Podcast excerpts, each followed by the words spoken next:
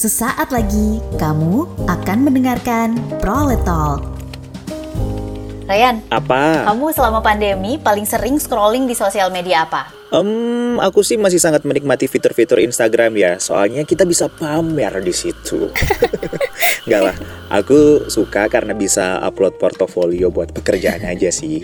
Tapi emang fitur Instagram kan sejatinya memang buat pamer ya. Betul. Walaupun ya memang em, bisa dikategorikan gitu mau pamer kehidupan sehari-hari kah atau kayak yang Ryan lakukan tadi ya Yep. pamer pekerjaan portfolio. Kalau aku sih belakangan ini suka banget main Twitter. Karena di sana tuh em, semakin banyak praktisi di bidang kesehatan ya setelah pandemi ini mereka tuh banyak yang punya account di Twitter. Eh iya tuh. Terus em, suka bagiin informasi ataupun tips-tips putar kesehatan di sana. Tapi sebenarnya yang paling menarik dari Twitter nih belakangan itu karena banyak banget orang nge-spill gosip-gosip underground gitu loh. Atau kalau misalnya lagi bosen banget, biasa aku ngamatin tweet war aja sih. ngegosip online ya ceritanya. Main sosial media tuh emang jadi salah satu hal yang menyenangkan yang bisa dilakukan di rumah, guys. Iya. Tapi ya tetap ingat untuk hati-hati menyaring informasi. Kalau yang aku baca dari aladokter.com nih ya, penting banget untuk kita membatasi waktu serta informasi yang kita konsumsi. Dan ini tuh demi menjaga kesehatan mental kita selama pandemi. Iya. Nah, kalau misalnya nih ada topik tertentu yang suka bikin cemas berlebihan, baiknya kita memanfaatkan fitur seperti mute Nah. yang udah tersedia di berbagai platform Nah, media iya, iya. sosial. Nah, iya ini bener juga karena kalau aku sendiri sih ya, kadang masih suka kegocek sama topik-topik yang lagi tren di media sosial. Jadi menghindari sosial media burnout ini emang krusial banget kalau menurutku ya. Oh iya. Biar iya. gak memicu penyakit-penyakit yang disebabkan stres berlebihan. Ya benar banget. Saat ini kan kasus COVID-19 ini kembali naik tajam ya. Banget. Dan kemudian banyak fasilitas kesehatan yang sudah tidak bisa lagi menerima pasien. Jadi memang sebisa mungkin kita menjaga diri bukan hanya biar nggak tertular virus nih, tapi kita juga harus um, sebisa mungkin gimana caranya supaya nggak kena penyakit lain yang sekiranya membutuhkan penanganan dokter. Nah, Nah, belakangan Kementerian Kesehatan merilis beberapa tips untuk menjaga kesehatan kita di masa pandemi. Iya. Salah satunya yang paling pertama nih adalah kurangi konsumsi makanan dan minuman yang bergula. Hayo. Siapa yang kalau di rumah aja bawaannya kepingin ngemil mulu. Penelitian terbaru memang mengakui kalau banyak banget orang yang menjadikan ngemil ini sebagai pelarian selama lockdown. Iya ya. Kalau dari aku sih biasanya untuk em, bisa meminimalisir ya rasa kepingin ngemil ini, aku sediain tuh cemilan yang bentuknya kacang-kacangan tapi yang nggak ada tambahan perasanya. Iya, iya, iya, Atau bener. Kalau misalnya emang pingin banget sesuatu yang manis, Wah. aku biasanya alihkan dengan makan buah-buahan. eh sama ini jangan lupa makan teratur sesuai rekomendasi Kemenkes ya. Mm-mm. Kamu bisa googling dengan kata kunci piringku. Di situ udah lengkap banget tuh panduan porsi karbohidrat, protein, sampai serat yang dianjurkan. Jadi dengan begitu kita bisa mencegah rasa ingin ngemil berlebihan. Aku juga pernah baca utas di Twitter dari dokter Denta. Tubuh kita tuh kadang kurang asupan cairan dan jadi ketipu gitu. Oh iya iya. Kirain lapar, ternyata haus. Duh. ya makanya pastikan juga kalau kita selalu minum air putih yang cukup ya. Betul. Bukan betul, cuma betul. perasaan aja ternyata ya, perut pun bisa tertipu ya, Vi. Iya nah selanjutnya, walau di rumah aja, jangan lupa untuk tetap berolahraga minimal 30 menit sehari. Jadi sekarang ini juga udah banyak banget di YouTube, ada trainer-trainer yang bikin berbagai macam rangkaian latihan untuk bisa kita lakukan di rumah. Nah, Dan em, asiknya lagi, rangkaian latihan tadi itu biasanya nggak perlu pakai alat, jadi cukup punya niat aja. Nah, ngomongin YouTuber trainer ya, aku suka banget tuh sama Pamela Reif. Dia tuh kalau nggak salah ini nih, uh, influencer olahraga dari Jerman. Iya. Jadi bukan cuma workout plan aja yang dibagiin, tapi meal plan juga.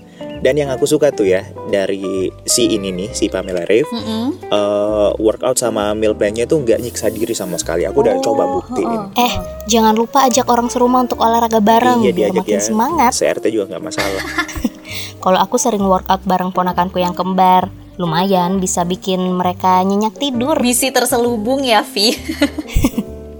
Tapi benar, salah satu tantangan dalam masa pandemi ini adalah bikin anak-anak tetap bisa menyalurkan energinya. Ah, betul. Selain itu dari yang aku pernah baca nih, anak-anak memang sampai usia lima tahun Hmm. justru lebih butuh berlari ke sana kemari untuk perkembangan otaknya Hmm. dibanding duduk diam dan belajar. Jadi memang harus pintar-pintarnya kita nih Ngerti, menyiasati ngerti, ngerti. gimana biar anak-anak tetap bisa bermain tapi di ruang yang aman dari terutama penularan virus. Yes, masih seputar bergerak ya. Tips selanjutnya untuk menjaga kesehatan selama pandemi adalah dengan menyelingi kerja tiap 30 menit dengan gerakan sederhana. Sesederhana mungkin gak apa-apa, yang penting tetap bergerak. Pastikan, meski bekerja di rumah aja, Iya. kamu nggak hanya duduk aja seharian di depan laptop. Mm-mm. Ini selain bisa bikin pegal, kalau dalam jangka waktu yang panjang bisa mengganggu fungsi beberapa organ, Oh, seperti oh, ginjal. Eh, bahaya kan? Serem juga ya efek kelamaan duduk. Serem, serem, serem. Untungnya ponakan-ponakanku nggak pernah biarin aku kerja dengan tenang. Jadi aku selalu gerak sih walau lagi WFH. Ada yang curhat sepertinya. Tolong kakaknya Vivi ini didengarkan loh. iya sih, iya iya. Oke, selanjutnya Kemenkes juga menganjurkan untuk stop mengonsumsi alkohol dan juga merokok. Nah. Jadi ini sebenarnya bisa jadi momen yang tepat untuk benar-benar menyadari bahayanya rokok dan alkohol bagi kesehatan kita. Betul, alkohol itu harus dihindari dan rokok juga ya. Heeh, heeh. Sebenarnya nggak cuma untuk kesehatan diri kita sendiri ya Shiva ya. Mm-mm. Eh, sebenarnya berhenti merokok juga bisa melindungi orang terkasih kita, tapi bukan berarti jomblo nggak perlu berhenti merokok. Bisa bisa eh, bener juga sih. Kalau misalnya anda perokok dan juga jomblo, mulai dari sekarang harus berhenti aja, sayangi diri dan rencanakan masa depan. Eh, iya tuh betul. Soalnya betul. kan kalau kita melihat ke depan gitu ya, kalau misalnya kita punya anak dan terpapar asap rokok, kan bahaya juga gitu kan. Mm-mm. Eh, karena sudah banyak banget studi yang memaparkan gimana asap rokok bukan cuma membahayakan paru-paru, Mm-mm. tapi juga menghambat perkembangan otak anak, bahkan juga mengganggu perkembangan mental. Semoga sih nggak ada yang kayak gitu ya. Wah, kalau udah sampai mengganggu tumbuh kembang, berarti pengaruhnya bisa sampai merusak generasi penerus kita ya. Ah, betul. Apalagi asap rokok ini ternyata memang residunya aja itu bisa nempel di baju, Aha. di tembok, Aha. di perabotan rumah dan semua itu tetap aja bahayanya sama kayak asap yang langsung dihirup. Ya, ya, ya. Nah ini kalau udah ngomongin generasi nih aku bisa overthinkingnya sampai ke mana-mana nih. Belum lagi soal rokok ini bisa memperpendek usia si penggunanya kan. Nah, nah, nah. Jadi kepikiran gitu loh. Nanti kalau misalnya memang usianya beneran lebih pendek nih karena merokok, itu nanti yang biayain sekolah anaknya siapa? Hey, itu agak jauh.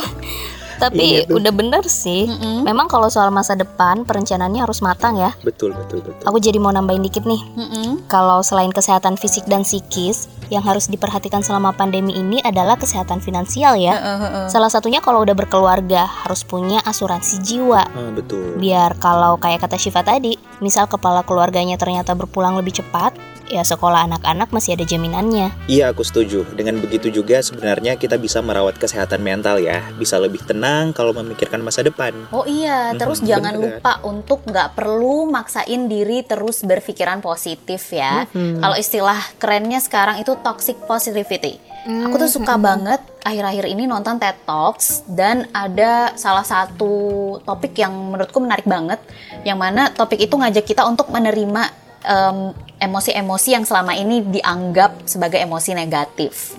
Jadi sebenarnya kalau memang kita lagi sedih atau merasakan berbagai emosi lain, pokoknya selain senang, sebenarnya itu bukan masalah ya, karena memang Ah, ya bisa jadi. em, sejatinya kehidupan kita ini kan dinamis banget ya, jadi Ya, pasti ada banyak perasaan yang kita rasakan setiap harinya. Jadi nggak perlu tuh kayak quotes-quotes yang selalu bilang tetaplah tersenyum, tetaplah berpikiran positif.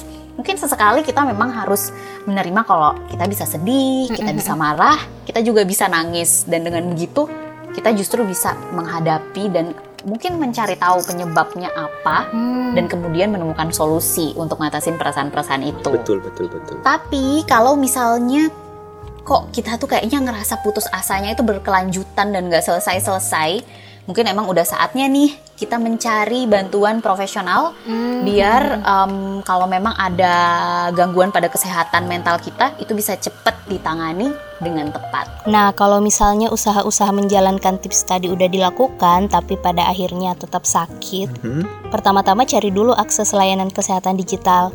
Salah satunya udah ada telemedicine. Jadi kita bisa berkonsultasi dengan dokter secara daring. Iya. Ya karena memang saat ini kita baiknya menghindari keluar rumah ya. Ya, ya, ya. Sekarang juga selain telemedicine udah banyak tersedia layanan kesehatan berbasis daring loh dari berbagai platform yang bahkan kadang juga gratis. Pokoknya apa pun itu selalu percayakan dulu kepada profesional di bidangnya ya. Jangan mudah percaya katanya-katanya. Iya. Apalagi kalau hanya pesan terusan di jejaring sosial. Kayak misal yang paling lucu nih akhir-akhir ini ya. ini video logam yang bisa nempel di badan setelah divaksin. itu di- dia dapat inspirasi dari mana coba? Iya, tapi itu salah satu hoax yang cukup banyak bikin orang-orang jadi takut divaksin loh. jadi memang balik lagi ya, validasi informasi itu penting. Betul. Dan juga jangan lupa perhatikan orang tua kita di rumah. Yep. Karena biasanya pesan-pesan hoax seperti itu Aha. memang sering kali ditujukan ya ke orang tua kita ya yang masih punya akses yang terbatas untuk mengecek kebenaran informasi. Nah, kemudian ingat juga untuk selalu saling jaga. Yes. Jadi selalu berusaha mematuhi 5M yaitu memakai masker, Yep.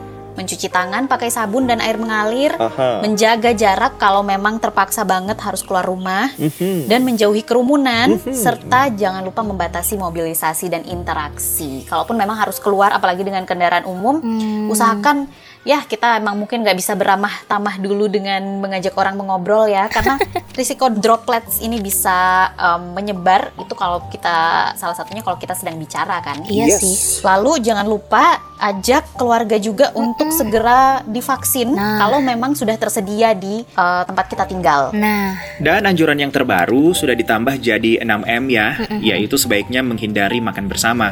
Karena memang saat makan, kecenderungan droplet kita menyebar cukup tinggi ya. Oh iya. Nah, iya. Heeh. dengan semua upaya kita, Iya. semoga Indonesia bisa segera pulih Mm-mm, mm-mm. dan bangkit lagi dari kondisi saat ini.